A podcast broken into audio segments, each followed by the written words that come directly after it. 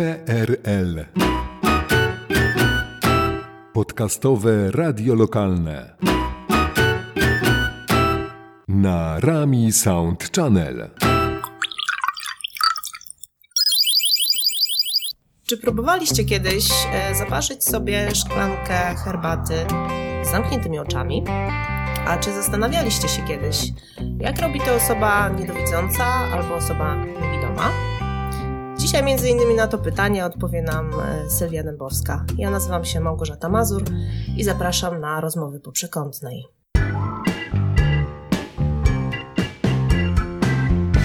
To jest podcast z cyklu Rozmowy po przekątnej. Sylwia, jak to się stało? Zaczęło się to bardzo y, spontanicznie, bardzo dziwnie i y, w wyjątkowych okolicznościach. Y, zawsze miałam dobry wzrok, nigdy nie nosiłam okularów i siedząc przed komputerem zaczęłam przecierać jedno oko. Okazało się, że na drugie oko widzę za mgłą.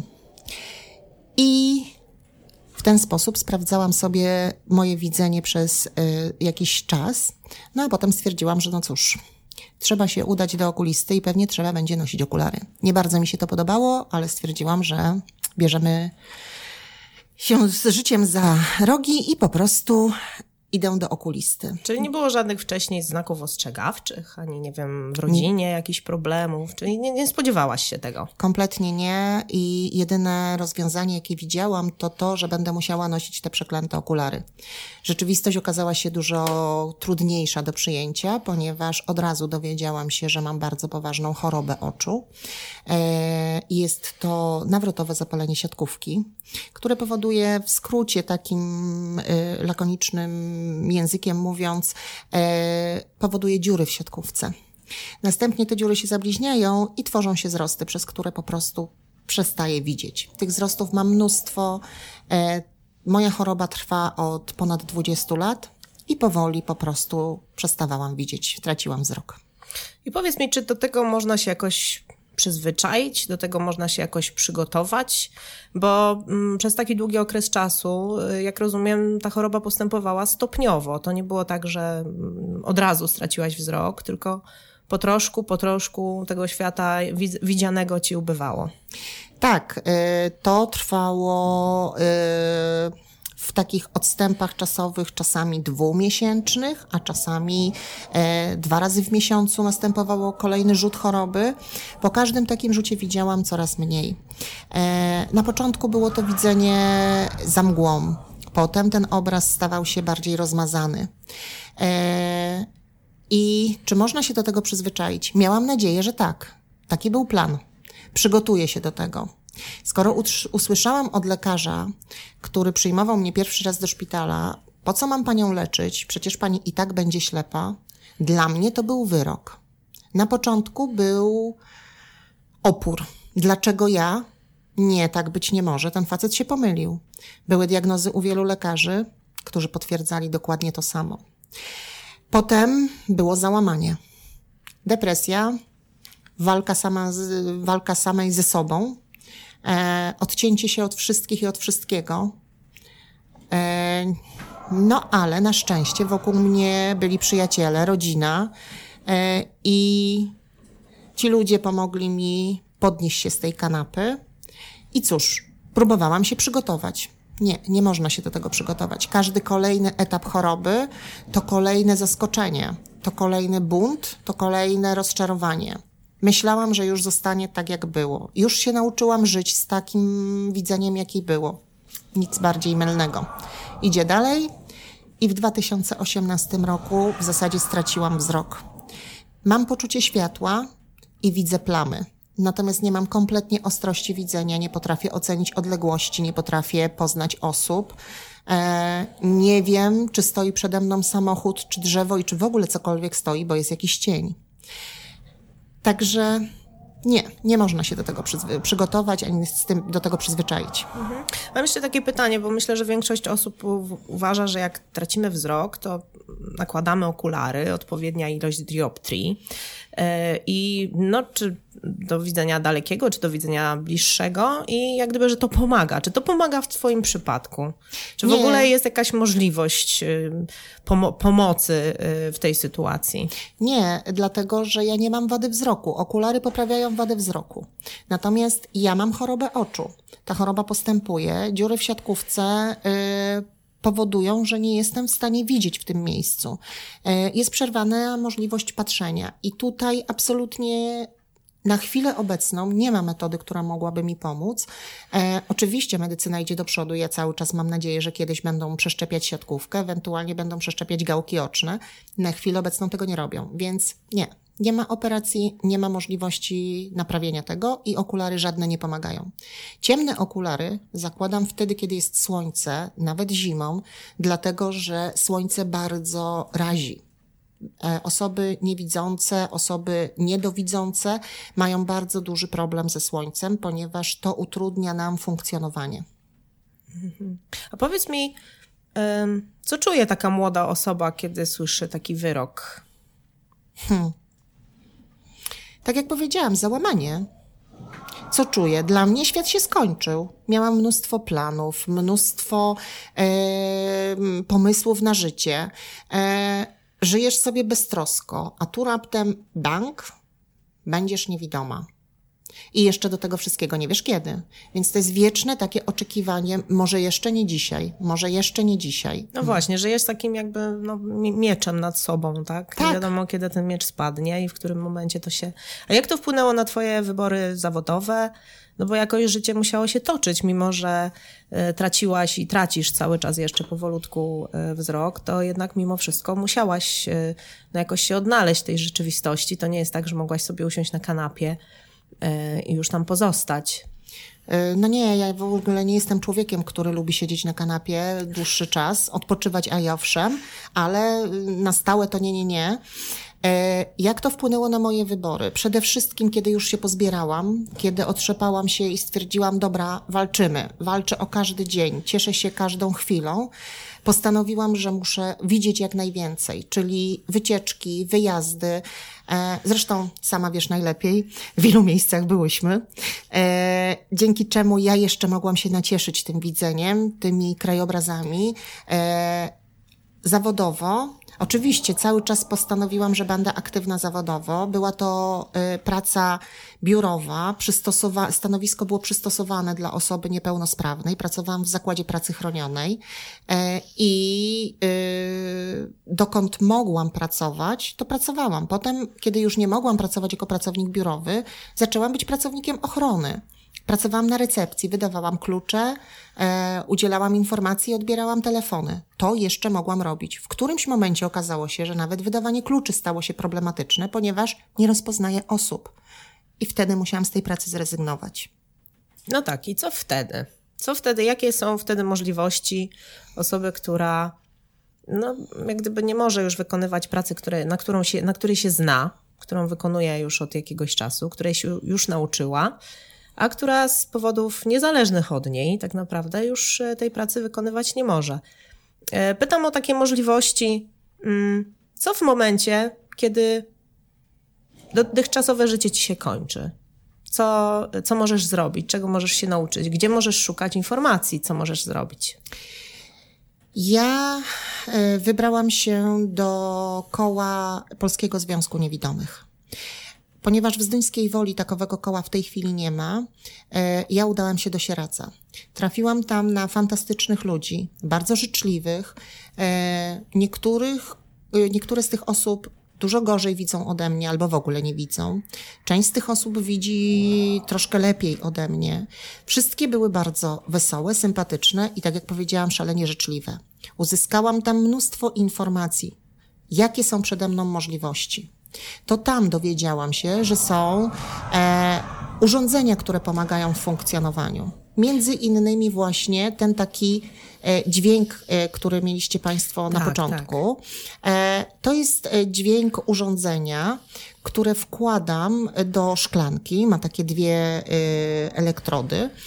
I w momencie, kiedy poziom wody dotyka tych elektrod, e, zaczyna się dźwięk. W ten sposób ja mogę sobie wlać wodę do szklanki, nie rozleć, nie poparzyć się i nawet mogę zaprosić gości do siebie. Ale dowiedziałam się o tym właśnie w, w, w kole PZN-u w Sieradzu. Tak, właśnie wydaje mi się, że no, coraz więcej podejrzewam jest rozwiązań technologicznych, które pomagają osobom z wszelkimi niepełnosprawnościami, ale także osobom e, niewidomym czy niedowidzącym funkcjonować jak najbliżej e, tak zwanej normalności, tak? czyli tak, tak, jak najbliżej e, osoby widzącej. E, jakie takie, z takich rozwiązań mogłabyś podać jako przykłady? Co, co pomaga ci na przykład pracować, co pomaga ci żyć codziennie? Tak jak żyjesz, czyli aktywnie. Przede wszystkim musiałam się dowiedzieć, że w ogóle takie sprzęty istnieją.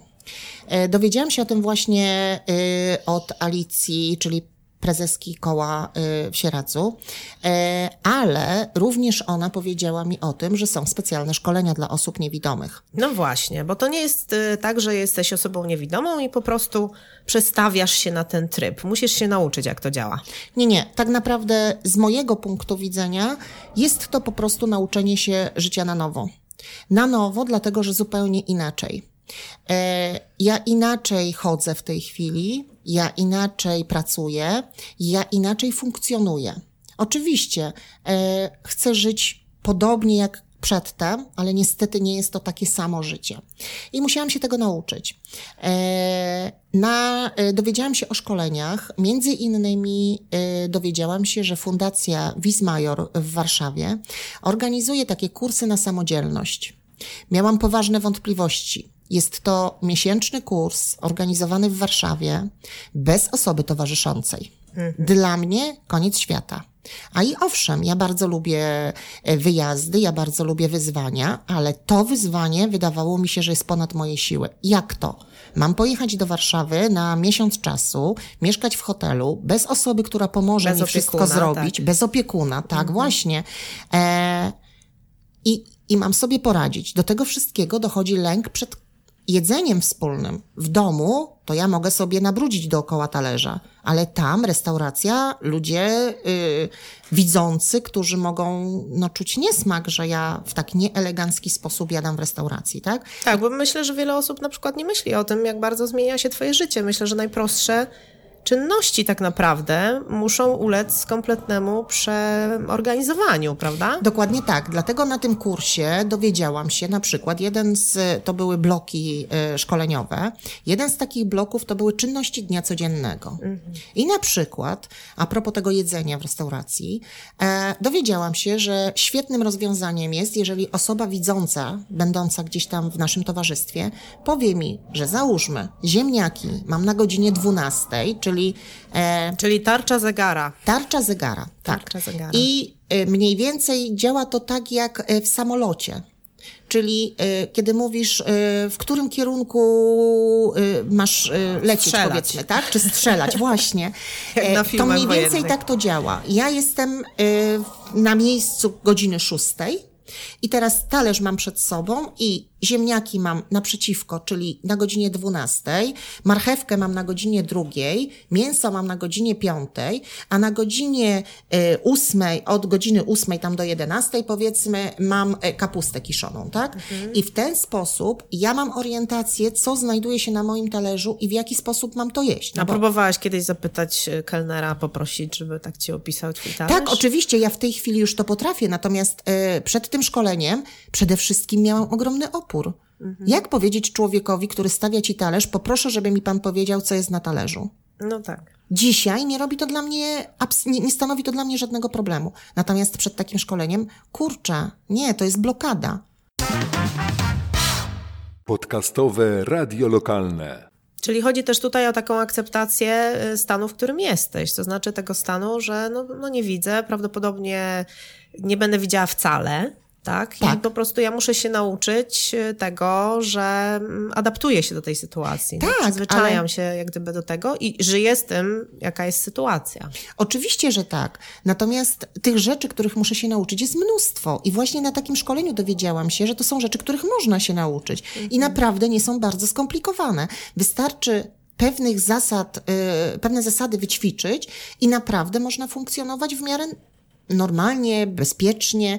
E, jedną z czynności dnia codziennego, którą się na przykład nauczyłam, jest rozpoznawanie pieniędzy. No tak, na, na banknotach podobno są takie specjalne znaki, tak, dla osób, które mogą wyczuć je palcami, ale czy to działa? E, tak, ja na przykład mam duży problem z wyczuciem e, tych znaków, ponieważ moja e, czułość dotyku nie jest jeszcze e, wyćwiczona. Natomiast świetnie radzę sobie już z pieniędzmi drobnymi, czyli rozpoznaję złotówkę, rozpoznaję piątkę, rozpoznaję dwójkę. Na przykład piątka ma na e, obrzeżu e, takie ząbki. E, jeden... Czyli trzeba po prostu podotykać. Tak, dwójka na przykład ma zupełnie gładki y, brzeg y, monety. E, więc to są takie rzeczy, które nam ułatwiają życie, o których ja nigdy nie pomyślałam, kiedy jeszcze widziałam, tak? Na czynnościach dnia codziennego dowiedziałam się, że są sprzęty, które mówią. Jest ciśnieniomierz gadający, jest termometr do mierzenia temperatury, są wagi kuchenne, wagi łazienkowe. E, To wszystko są urządzenia, które mogą do mnie mówić. Czyli technologia tutaj jak gdyby wkracza w twoje życie i pomaga. Bardzo. Bardzo. Dowiedziałam się na jednym z bloków szkoleniowych, to były y, nowe technologie, dowiedziałam się, że są programy, które y, komputerowe, które udźwiękawiają nam ekran, tak? E, ja dzięki temu, że nauczyłam się obsługiwać taki program, w tej chwili jestem w stanie pracować na tym komputerze. Ja e, bezproblemowo na komputerze odbieram maile. Ja na komputerze jestem w stanie stworzyć dokument. E, mało tego, mój komputer e, po wykonaniu czynności skanowania jest mi w stanie odczytać, co mam napisane na fakturze, ewentualnie na rachunku albo na piśmie urzędowym, które otrzymuję. I komputer mi to czyta. Czyli on jak gdyby odczytuje, rozczytuje ten tekst, który masz przed sobą, tak? A jak, a jak sobie radzisz z klawiaturą? No niestety klawiaturę trzeba, Trzeba się się, nauczyć nauczyć na na pamięć. tak No właśnie. E, To było dla mnie ogromnym problemem, ponieważ ja od wielu lat pisałam na komputerze, ale zawsze wzrokowo. A teraz niestety uczę się, nadal nie mogę powiedzieć, że się nauczyłam, ale pod bacznym okiem mojej instruktorki Iwonki, którą bardzo gorąco ściskam i pozdrawiam, e, nauczyłam się wiele i między innymi uczę się właśnie obsługi klawiatury, ale to jest mnóstwo jednocześnie skrótów klawiszowych. Zawsze wydawało mi się, że po co mi te skróty Ctrl-C, Ctrl-V, tak? A teraz musiałam takich skrótów nauczyć się kilkadziesiąt do różnych czynności, dlatego że my obsługujemy komputer z klawiatury, nie używamy myszki. Więc jest to skomplikowane, ale jest to do ogarnięcia i jak najbardziej do zrobienia. Ja w tej chwili nie potrzebuję nikogo, kto przeczyta mi urzędowe pismo, tak? No tak. Czyli ta technologia jednak y, tutaj jak gdyby mm, bardzo silnie pomaga ci, bo po, pozwala ci na przykład podjąć pracę. Prawda? W E, takiej sytuacji osoby, która poszukuje pracy i która na przykład nie dowidzi, czy jest zupełnie niewidoma, jest możliwość podjęcia pracy zdalnej. No teraz w obecnych y, warunkach myślę, że jest to możliwe. Tak, oczywiście. Nie zamyka ci drogi, że tak powiem. Tak, zawodowej. jeżeli uda się znaleźć firmę, która y, zatrudni y, osobę niewidomą zdalnie, jak najbardziej możemy tworzyć arkusze w Excelu, możemy tworzyć dokumenty wordowskie, możemy przeglądać strony internetowe, możemy robić wpisy na stronach internetowych, także jest jakaś możliwość. Pytanie, na ile mamy umiejętności, ale możliwości są jak najbardziej. Ale jeszcze druga sprawa, to ktoś mi powie, no tak, dobrze, ale to pewnie dużo kosztuje. I co z tym zrobić? E, tak, masz rację. E, sprzęt dla osób niepełnosprawnych, i to nie tylko niewidomych, e, jest bardzo drogi, ponieważ jest to sprzęt specjalistyczny, e, nietypowy i jest szalenie dro, drogi. Natomiast są możliwości dofinansowania. Za moje szkolenie organizowane przez fundację nie chcę skłamać, ale chyba zapłaciłam 200 zł. To, była, to był mój udział w miesięcznym szkoleniu z pełnym wyżywieniem, z pełnym y, szkoleniem od godziny 8 rano do godziny 22. Y, bloki tematyczne z 10-minutowymi przerwami plus przerwy na obiad, śniadanie, znaczy śniadanie, obiad, kolację. Były wypady do muzeum, były wypady do teatru, więc za to wszystko zapłaciła fundacja. I ja zapłaciłam niewielkie pieniądze swojego udziału własnego. Czyli Jeżeli- trzeba zgłosić się do fundacji, tak? Ewentualnie, jeżeli chcesz jakieś dofinansowanie na tego typu szkolenie. Tak, możemy również skorzystać z dofinansowania do sprzętu. Jest coś takiego e, jak e, aktywny samorząd. Jest to taki projekt, który pomaga właśnie zdobyć pieniądze na sprzęt specjalistyczny. E, Ja z takowego sprzętu skorzystałam, z takiego dofinansowania i w ten sposób zakupiłam sobie komputer, zakupiłam sobie telefon, który również do mnie mówi, e, zakupiłam sobie e, czytaka, czyli urządzenie, które czyta mi książki, audiobooki, e, na którym mogę nagrywać szkolenia na przykład. E, Również zakupiłam sobie takie urządzenie, które się nazywa PenFriend i, i to jest urządzenie, które ma takie magnetyczne magnetyczne kółeczka przyklejane malutkie do danego przedmiotu, do danego dokumentu. Potem za pomocą tego urządzenia nagrywam sobie tekst na takim małym czytniku, po czym to urządzenie odczytuje mi, kiedy poszukuję danego, danej rzeczy. W ten sposób y, możemy sobie na przykład oznaczyć słoiki z przyprawami i nie pomieszać papryki ostrej z papryką słodką, tak? Nie otwierasz ogórków zamiast na przykład przecieru. Dokładnie tak, dokładnie tak. Nie muszę słoika otworzyć, żeby sprawdzić, co jest w środku, tak? Więc to jest fantastyczne. O takim sprzęcie dowiedziałam się na szkoleniu, o takich sprzętach dowiedziałam się właśnie w kole niewidomych, a dofinansowanie y, zdobyłam z y, PCPR-u. PCPR jest instytucją, czyli Powiatowe Centrum Pomocy Rodzinie. Y, Tam możemy uzyskać informacje, do czego możemy otrzymać dofinansowania, z czego możemy skorzystać, z jakiej pomocy. Czyli rozumiem, że nie jesteśmy sami. W momencie, kiedy coś e, takiego się zdarza w życiu, e, możemy skorzystać z pomocy, możemy się nauczyć. No widzę, że sporo trzeba się nauczyć, żeby być e, aktywną e, osobą e, niewidomą albo niedowidzącą. Powiem szczerze, że od momentu, kiedy skończyłam, znaczy przestałam widzieć, ja się cały czas uczę. Każdego dnia to jest ileś godzin y, szkolenia albo ileś godzin ćwiczenia. Absolutnie nie pozwalam sobie na to, żeby odpuścić, dlatego że jest jeszcze wiele rzeczy, których się muszę nauczyć.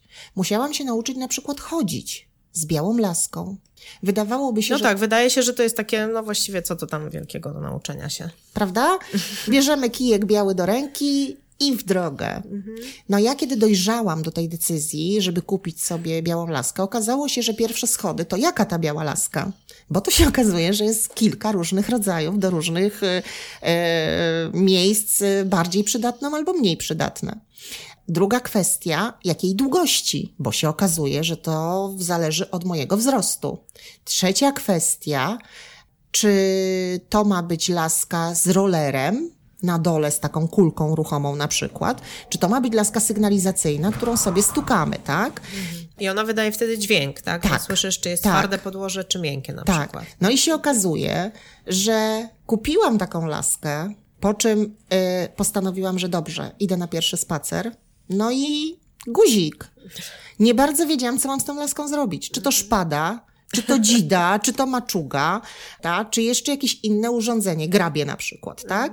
Nie wiedziałam, co mam nią robić. Czy mam nią stukać? No, mniej To więcej... powiedz, mi, to powiedz mi, do czego taka laska służy, bo wydaje się, jeżeli widzimy osobę niewidomą, a czasem się zdarza, nie jest to jakoś, jakiś bardzo częsty widok, ale czasem się zdarza, że widzimy osobę niewidomą czy niedowidzącą idącą z taką laską i wydaje się, że właściwie ona no, no macha przed sobą e, tą laską, żeby w coś nie wejść, tak? Tak, machamy... E, czyli na czym, na czym to polega, powiedz mi? Jak to, jak to wygląda i do czego ta laska tak naprawdę służy? machamy laską, żeby ręce nam się nie znudzi, znaczy nie nudziły. To oczywiście żart. Biała laska to jest przedłużenie mojej ręki. Wyobraźcie sobie, że zamykacie oczy i próbujecie iść przed siebie. Większość z Was wystawi rękę przed siebie i będzie próbować szukać czegoś, co się znajduje przed Wami. Ja robiłam dokładnie to samo przez długi czas. Potem, kiedy kupiłam laskę, okazało się, że ta laska pomaga mi znaleźć właśnie przedmioty znajdujące się przede mną. Biała laska pomaga mi znaleźć krawężniki, których nie jestem w stanie absolutnie zobaczyć, a znalezienie ich nogą jest szalenie kłopotliwe. Więc idąc z białą laską, jestem w stanie znaleźć krawężnik, jestem w stanie zlokalizować schody, jestem w stanie zlokalizować dziurę w y, chodniku, żeby w nią nie wpaść. Oczywiście zdarzają się takie sytuacje, nie powiem, że nie, bo to Życie. ja zawsze naz- mówię, że ślepota to sport urazowy. Jak nie gałązka w oku, to jakaś dziura w chodniku, różnie to bywa, prawda? No wchodzą nam takie rzeczy pod nogi, w, w oczy. Mm, Ale nie unikniemy tego. Po prostu możemy albo usiąść na kanapie, albo iść przed siebie. Ja wybrałam tą drugą drogę. Nauczyłam się chodzić z białą laską. E, Są różne techniki. Można tą laską machać przed sobą z lewej do prawej. E, Można tą laską stukać, żeby wysłuchać na przykład, że zbliżamy się do budynku, że zbliżam się do przystanku autobusowego, bo wtedy dźwięk się zmienia. Także echolokacja tutaj wchodzi w grę, tak? A jednocześnie ta biała laska ma zasygnalizować osobom widzącym: przepraszam, nie widzę, to wy musicie zobaczyć mnie. Omiń mnie, odsuń się troszeczkę, bo ja na pewno w ciebie wejdę, jeżeli staniesz mi na drodze. No dobrze, no to jeszcze mm, może cię zapytam, co poza y, białą laską pomaga ci się poruszać po mieście? Czy są jakieś y, udogodnienia y, zewnętrzne, które mogą pomóc osobom z taką, y, z taką niepełnosprawnością? Oczywiście zawsze pomaga y, na pewno jakiś człowiek, który jest w okolicy i który zapyta, w jaki sposób może mi pomóc. Ja na pewno jestem w stanie określić, co jest w stanie mi pomóc i co w danym momencie potrzebuję. Y, Kłopotliwe jest to, jeżeli ktoś podchodzi i na przykład łapie mnie za rękę i w, wciąga na przejście dla pieszych, ewentualnie wpycha mnie na to przejście. Bo troszkę inaczej funkcjonujemy. Inne rzeczy są dla nas y, wskazówką do tego, czy ja jestem bezpieczna. Natomiast jeżeli ktoś zapyta, czy może mi pomóc, zawsze odpowiem, że tak e, i powiem w jaki sposób. Czyli A na czy takie osoby często się zdarzają? Chętne do pomocy? Tak. Oczywiście, tak, tak. Wbrew pozorom jest bardzo dużo osób chcących nam pomagać, e, natomiast bardzo często osoby te nie wiedzą, jak pomagać. No właśnie. Czyli na przykład prosta sprawa, jak mnie poprowadzić. Bardzo wiele osób łapie mnie pod rękę i próbuje mnie prowadzić w ten sposób. Dla mnie bezpieczniejsze jest to, jeżeli ktoś udostępni mi swoje ramię, ewentualnie swój łokieć. Wtedy ja chwytam się na przykład Twojego ramienia e, albo Twojego łokcia i wtedy czuję, jak idziesz, w którą stronę mnie prowadzisz, kiedy są schody, bo to ramię mi się ob- obniża, kiedy jest jakiś e, krawężnik, bo powiedzmy to ramię idzie w górę, czy, czy ten łokieć i w ten sposób najbezpieczniej jest prowadzić osobę niewidomą. Mhm. Czyli y, jeżeli widzimy na przykład osobę niewidomą przed przejściem dla pieszych, oferować pomoc czy nie oferować? Jak najbardziej oferować, natomiast nie obrażać się, jeżeli jedna czy druga osoba niewidoma z tej pomocy nie skorzysta. E, My, osoby niepełnosprawne, chcemy sobie i ludziom udowodnić, że damy radę. Więc wielokrotnie z tej pomocy, za tą pomoc dziękujemy i po prostu próbujemy poradzić sobie sami, ale jak najbardziej oferować. Czasami ta pomoc jest zupełnie niezbędna. Na przykład kiedy? Na przykład wtedy, kiedy jestem na skrzyżowaniu, na którym nie ma dźwiękowego, y, dźwiękowej sygnalizacji świetlnej. To jest podcast z cyklu Rozmowy po przekątnej. No dobrze, ja wiem, że ty również y, od niedawna, ale y, już masz psa przewodnika. Jak on ci pomaga? Powiedz mi, jak to wygląda? Y, No, myślę, że dla wielu osób, y, y, nawet i w Zduńskiej Woli, może to być dziwny widok, ponieważ nie mamy wielu psów przewodników. Chyba to jest, nie wiem, czy to nawet nie jedyny u nas, oficjalny. Jedyny, jedyny, jedyny pies No przewodnik. właśnie, więc powiedz mi, jak to wygląda? Jak w ogóle mm, można dostać psa przewodnika? Czy to, mm, jak to, jak to ca- cała procedura wygląda? Ja o psie przewodniku marzyłam od 20 lat, czyli od momentu, kiedy dowiedziałam się, że będę niewidoma. E, Natomiast yy, musiałam do tego dojrzeć. E, Musiałam dostosować swój tryb życia też do tego, żeby posiadać psa. Bo ty nigdy nie miałaś psa Nie, przedtem. Nie, no to jest e, mało tego, że pierwszy pies przewodnik z Duńskiej Woli to mój pies w życiu, to jest Pierwszy pierwszy. pies, tak. W związku z tym jest też kwestia właśnie opieki nad tym zwierzęciem, e, obowiązków i tak dalej. Mm, Tak, od 1 grudnia jest ze mną Drops. Drops się mną opiekuje, ja opiekuję się Dropsem.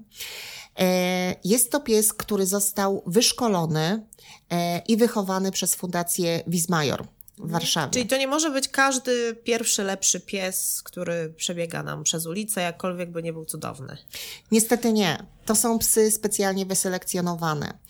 ja mam w tej chwili labladora, biszkoptowego, przepięknego i cudownego, bo mój. I te psy są od samego początku szkolone. W zasadzie od chyba, jeżeli nie, nie chciałabym skłamać, ale chyba od 11 tygodnia psy trafiają do wolontariusza, gdzie są socjalizowane. E, Te psy są uczone jeżdżenia autobusem, te psy są uczone chodzenia po sklepie, te psy są uczone jeżdżenia pociągiem, samochodem. Czyli E, to ciężka praca jest. bardzo ciężka, bardzo kosztowna i wymagająca mnóstwa wysiłku i czasu od wolontariuszy i od instruktorów, tak? E, Mój pies był dwa lata u Ewy, którą również bardzo, bardzo serdecznie pozdrawiam i bardzo dziękuję za super wychowanie i wyszkolenie mojego psa. E, przepraszam, naszego psa. E, I dopiero kiedy Drops skończył dwa lata, e, zdał egzamin e, po właśnie tym specjalistycznym szkoleniu, wówczas ja zaczęłam szkolenie. Wówczas ja przechodziłam rozmowę kwalifikacyjną, czy się nadaje, czy mam orientację przestrzenną, czy potrafię poruszać się z tą białą laską bezpiecznie, na przykład po skrzyżowaniach, żeby nie stwarzać zagrożenia dla siebie i dla psa. Potem to było kilkanaście, kilkadziesiąt godzin szkolenia w różnych y, blokach właśnie szkoleniowych. Mm, No i na końcu to było dopasowanie, czyli yy, Musieliście pracowni- się spotkać. tak, pracownicy fundacji obserwowali na mnie i inne osoby niewidome starające się o psy, e, obserwowali nas na szkoleniach i następnie robili coś, co się nazywa dopasowaniem, czyli dochodzili do wniosku, że ten pies będzie idealny dla mnie. W ten Czyli sposób. sprawdzają twój charakter i charakter psa, czy Tak. jak to wygląda? Tak, dlatego że. Musicie z temperamentem pasować do Dokładnie, również. to, to przede wszystkim dlatego, że szybki pies dla bardzo powolnego człowieka może stwarzać zagrożenie. Jeżeli to będzie bardzo powolny pies, e, a człowiek będzie bardzo szybki, no to wtedy człowiek zazwyczaj będzie się denerwował, że musi na psa czekać, tak? No tak. E, również to jest kwestia oczekiwań i sposobu życia. Jeżeli ktoś jest bardziej aktywny, jeździ pociągami, autobusami, tramwajami, e, wówczas ten pies musi być e, do tego przyzwyczajony i dobrze to znosić. Nie każdy pies znosi dobrze na przykład długie podróże pociągiem. E, Mój drops nie ma z tym problemu, ale wiem, że są psy, które na przykład niespecjalnie lubią jeździć pociągami, tak? Ale są też osoby niewidome, które po prostu z pociągów nie korzystają, bo mają inny tryb życia. Ja lubię podróżować, bardzo chciałabym wrócić do tych e, naszych wspólnych wypadów w różne części Polski. I teraz po prostu będzie tam towarzyszył drops. To powiedz mi jeszcze, co musi wiedzieć osoba z zewnątrz, widząc cię z dropsem w jakimś miejscu, na ulicy, nawet w restauracji, czy w barze, czy, czy nie wiem, czy w urzędzie. Przede wszystkim bardzo ważna informacja to taka, że pies przewodnik ma prawo wszędzie ze mną wejść. I y, ma takie prawo być ze mną w sklepie, również spożywczym, ma prawo ze mną być y, w urzędzie, ma prawo ze mną być w restauracji. Y, daje takie prawo dziennik ustaw, specjalna ustawa o rehabilitacji osób niepełnosprawnych. Czyli tam, gdzie przeciętny pies niekoniecznie może wejść, y, drops może wejść. Tak, tak. Warunkiem jest, że w tym czasie pies ma na sobie specjalną uprząż zwaną szorkami i tam jest właśnie napisane, że pies jest asystujący. Dodatkowo muszę zawsze przy sobie mieć certyfikat psa y, asystującego, który wydała mi fundacja po szkoleniu i po egzaminie naszym wspólnym już z Dropsem. I wówczas pies asystujący może wchodzić ze mną wszędzie. I o tym nie każdy wie. Druga kwestia to taka, że pies przewodnik jest w pracy. On musi być maksymalnie skoncentrowany na tym, jak wykonuje polecenia, które ja mu wydaję, gdzie się zatrzymać i gdzie jest niebezpieczeństwo, którego ja nie widzę. Dlatego bardzo y, ważne jest, aby ta, do takiego psa asystującego nie mówić, aby go nie dotykać, aby go nie karmić, nie cmokać, bo to jest kłopotliwe. No tak, bo sama wiem, że jak zobaczy się mm, dropsa, to niełatwo się powstrzymać przed takim odruchem, że ja już chcę go pogłaskać, już chcę go tutaj utulić, tak, a tutaj y, pies jest w pracy i nie wolno. Tak, y, pies przewodnik, y, tak jak powiedziałam, musi być skoncentrowany. Jeżeli ktoś go rozprasza, stwarza niebezpieczeństwo dla mnie, ponieważ pies może pociągnąć mnie po prostu w niebezpieczne miejsce, może nie zauważyć wtedy, że jest dziura przede mną w, w chodniku, tak? E, A co do tego głaskania, ja doradzam zawsze, że jeżeli ktoś ma ogromną potrzebę przytulania psa, a nie może go mieć we własnym domu, proponuję pojechać do y, i tam na pewno psiaki ucieszą się, jeżeli ktoś ich tam wygłaszcze, wyprowadzi na spacer i, i, i pobawi się z nimi. Z psem przewodnikiem nie. Podcastowe radio lokalne. Czyli tak, rozmawiałyśmy już sobie o białej lasce, która kojarzy się chyba najbardziej i właściwie wszystkim z osobami niewidomymi, niedowidzącymi. Rozmawiałyśmy o psie. Chciałabym Cię jeszcze zapytać o coś takiego jak filmy z audiodeskrypcją i zdjęcia z tekstem alternatywnym. Co to takiego i jak to pomaga osobom niedowidzącym i osobom niewidomym? Osoby niedowidzące i osoby niewidome również chciałyby uczestniczyć w życiu kulturalnym y, społeczeństwa. I oczywiście robimy to. Natomiast bardzo nam pomaga, jeżeli spektakle teatralne, e, filmy są e, zaopatrzone w audiodeskrypcję. Jest to taka dodatkowa ścieżka dźwiękowa. Ta ścieżka dźwiękowa opowiada mi, co dzieje się na ekranie, ewentualnie na scenie, kiedy nie ma dźwięku, albo dźwięk jest tylko melodią, czyli nie ma dialogów, tak? I ja wówczas jestem w stanie sobie wyobrazić to, co dzieje się dookoła. Co ten nasz e, bohater robi, e, do czego się zbliża, jak wygląda, to wszystko jest zawarte w audiodeskrypcji. Czyli ty jak gdyby oglądasz um, alternatywny film w głowie. Tak, dodatkowo tak. Mhm. A, tak. Co z, a co z tekstem alternatywnym do zdjęć?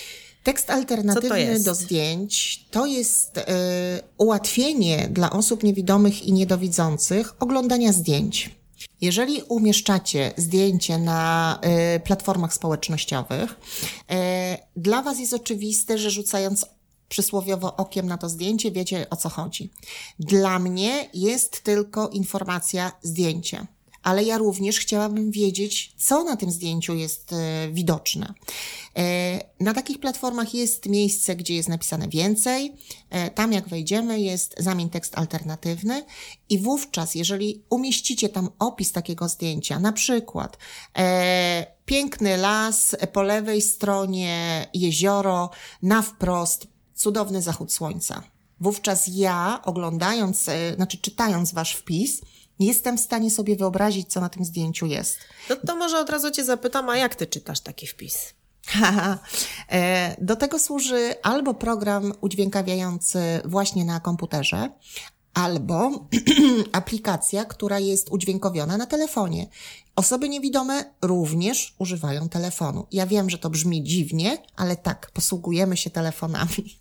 No może telefon e, tutaj akurat e, mniej zadziwia, co bardziej zadziwia y, to, że możecie normalnie odbiera, odbieracie i przyjmujecie SMS-y y, i posługujecie się również właśnie mm, internetem w, w, telefonie, tak? Dzięki temu, że telefon czyta tekst, który tam się znajduje. Tak, ale dla mnie na przykład bardzo dużym problemem, kiedy straciłam wzrok, był fakt, że nie byłam w stanie wybrać sobie z książki adre e, adresowej odpowiedniej osoby, żeby do niej zadzwonić. Nie miałam pojęcia, kto do mnie dzwoni. Niekoniecznie mam ochotę odbierać od wszystkich e, telefony, tak? No Jeżeli e, są to jakieś telefony zastrzeżone, są to telefony, których nie znam, po prostu nie byłam w stanie tego po prostu zweryfikować, tak? Nie byłam również w stanie odebrać, bo jeżeli telefon jest e, dotykowy, no to musisz wiedzieć, gdzie dotknąć, żeby uruchomić, a gdzie dotknąć, żeby odrzucić. I to są niby takie drobiazgi dla osoby widzącej, to jest oczywistość, a dla mnie, kiedy straciłam wzrok, wielki problem. Natomiast w tej chwili umiem posługiwać się telefonem y, z aplikacją, y, która udźwiękawia y, i po prostu ten telefon mi to czyta. Czyta mi SMS-y, e, czyta mi maile, które otrzymuję. Mogę również głosowo odpowiedzieć na te maile albo na SMS-y. To naprawdę jest realne. A czy możemy zobaczyć, jak wygląda na przykład odebranie wiadomości w ten sposób? Tak, oczywiście, proszę bardzo. Wiadomości. 16 nieprzeczytanych wiadomości.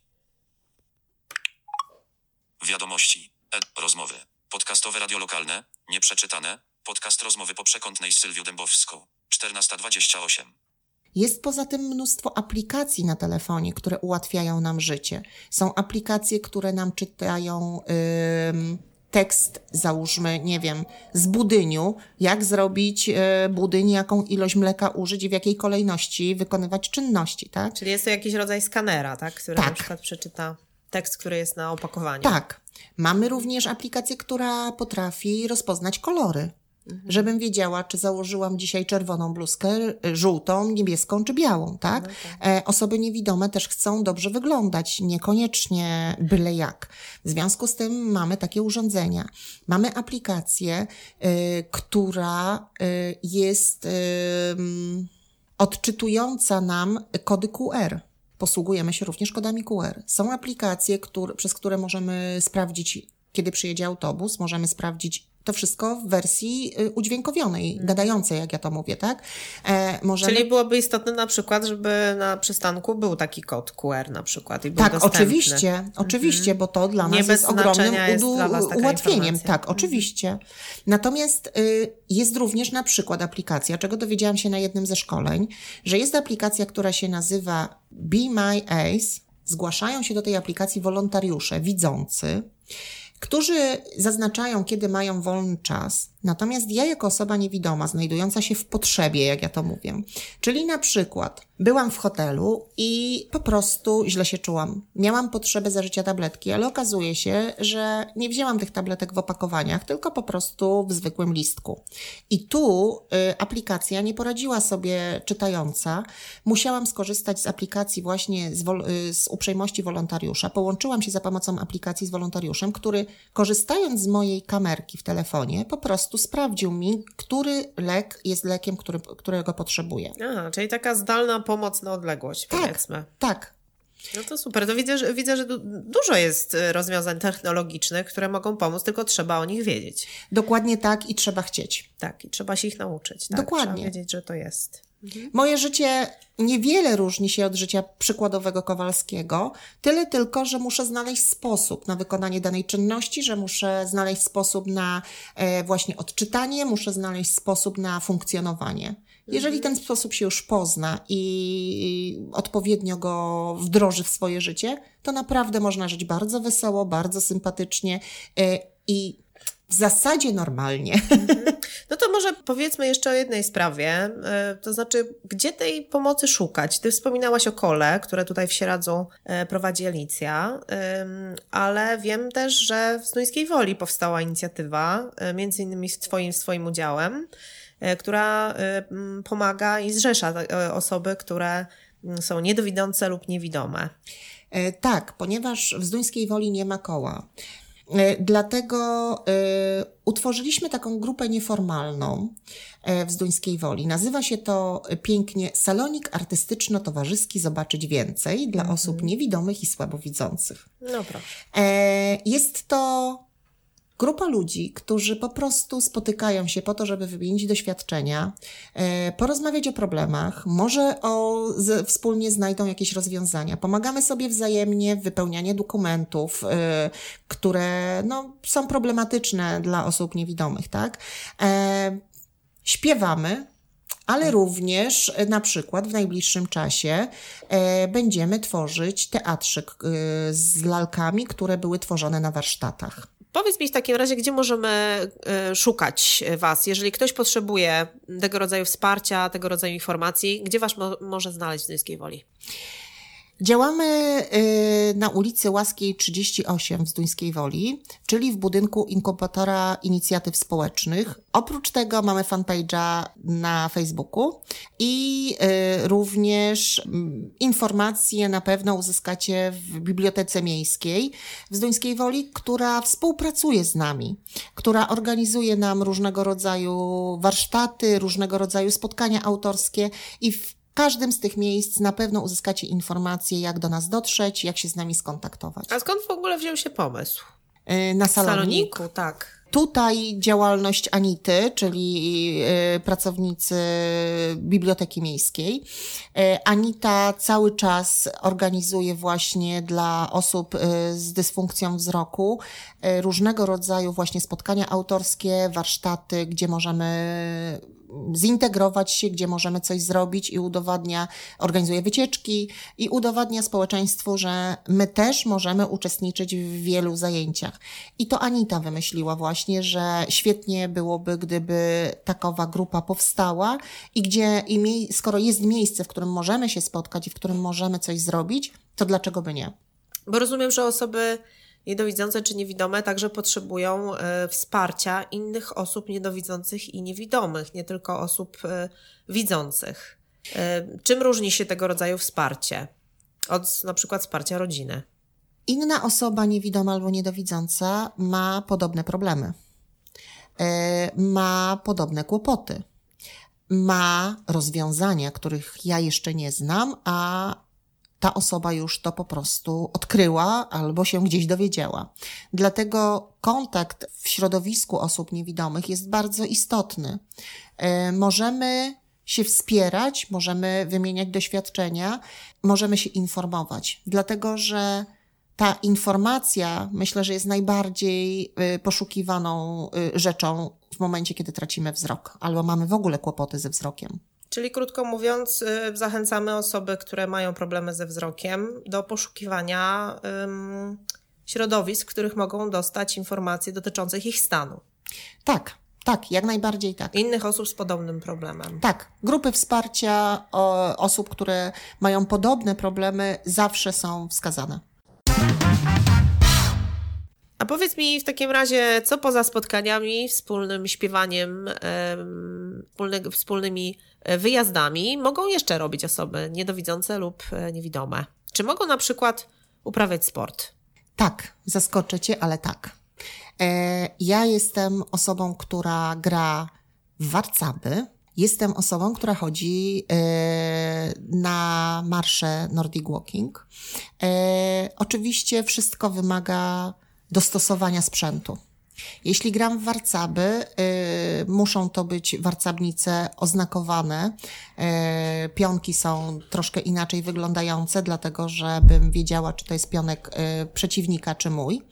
E, jeżeli. No tak, y, bo nie rozpoznasz, które białe, które czarne. nie, nie, one mają inną troszkę budowę po prostu i w warcabnicy są otwory, w które wchodzą te pionki, żeby się nie przewracały, kiedy je dotykamy, bo my y, sprawdzamy na warcabnicy, w którym miejscu pionek się znajduje za pomocą dotyku. I z tego co wiem, to macie rozgrywki na różnego rodzaju szczeblach. Tak, to są turnieje, to są spotkania towarzyskie, ale to są również Mistrzostwa Polski, załóżmy, tak? Więc e, jak najbardziej e, my, jako osoby niewidome, bierzemy w tym bardzo chętnie udział. Są e, takowe mistrzostwa również e, w szachach, e, są zawody w bowlingu.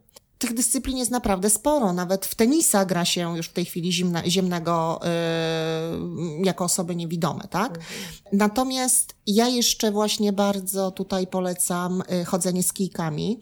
Y, jest to świetny relaks. Ja akurat chodzę z grupą Garosa Team z Sieradza. Tam y, dowiedziałam się, że mimo tego, że tracę wzrok, jestem w stanie nadal chodzić o kijkach, bo wydawało mi się to kosmicznie niewykonalne. No to powiedz, jak to wygląda w takim razie, tak? No bo myślę, że dla osoby mm, widzącej ciężko jest wyobrazić sobie osobę niewidzącą, y, prędzej z laską, ale gorzej z dwoma kijkami.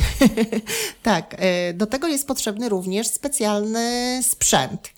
A takim sprzętem są szelki, które zakładam ja jako osoba niewidoma. Zakłada również taki sprzęt osoba, która mnie prowadzi, bo jednak samemu jest bardzo ciężko poruszać się z kijkami, ponieważ nie wiemy, co się znajduje przed nami. No nie mamy tej laski z przodu, tak? E, Do znajdowania przedmiotów, y, dziur na wierzchni i tak dalej. W związku z powyższym potrzebna jest osoba widząca, która będzie moim y, przewodnikiem.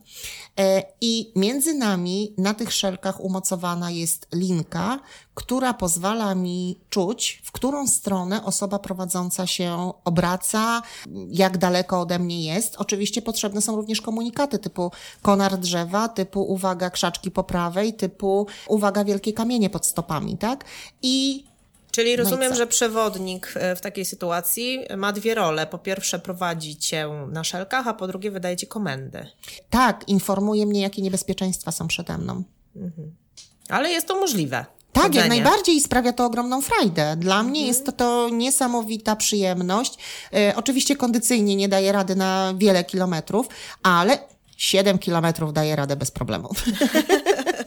Czyli osoby niewidome mają dużo możliwości. Mogą uprawiać sporty, mogą zapisać się do koła, mogą wyjeżdżać na wspólne wycieczki, e, ale wiem, że również angażują się same w pomoc innym osobom. Tak, osoby niepełnosprawne nie tylko korzystają z pomocy instytucji, fundacji i innych ludzi, ale również chcą być potrzebne i y, pomagają innym. Ja od 29 lat robię finał Wielkiej Orkiestry Świątecznej Pomocy i to, że straciłam wzrok, nie oznacza, że przestałam się udzielać. Wręcz przeciwnie, zaangażowałam w tą y, działalność inne osoby niewidome i w tej chwili mamy już y, całkiem niezłą grupę, ponieważ y, przyłączyła się do tej akcji Alicja, przyłączyła się Wiola, Sylwek, Ania, Ela. To są wszystko osoby y, niewidome lub y, niedowidzące.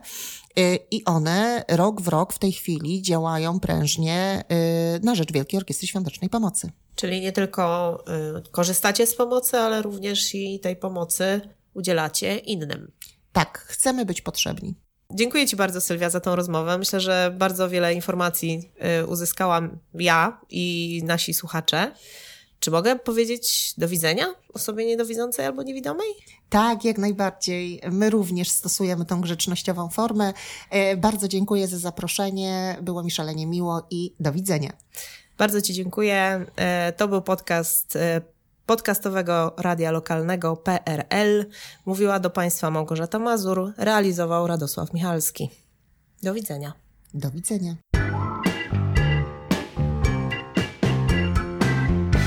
To był podcast z cyklu Rozmowy po przekątnej. PRL.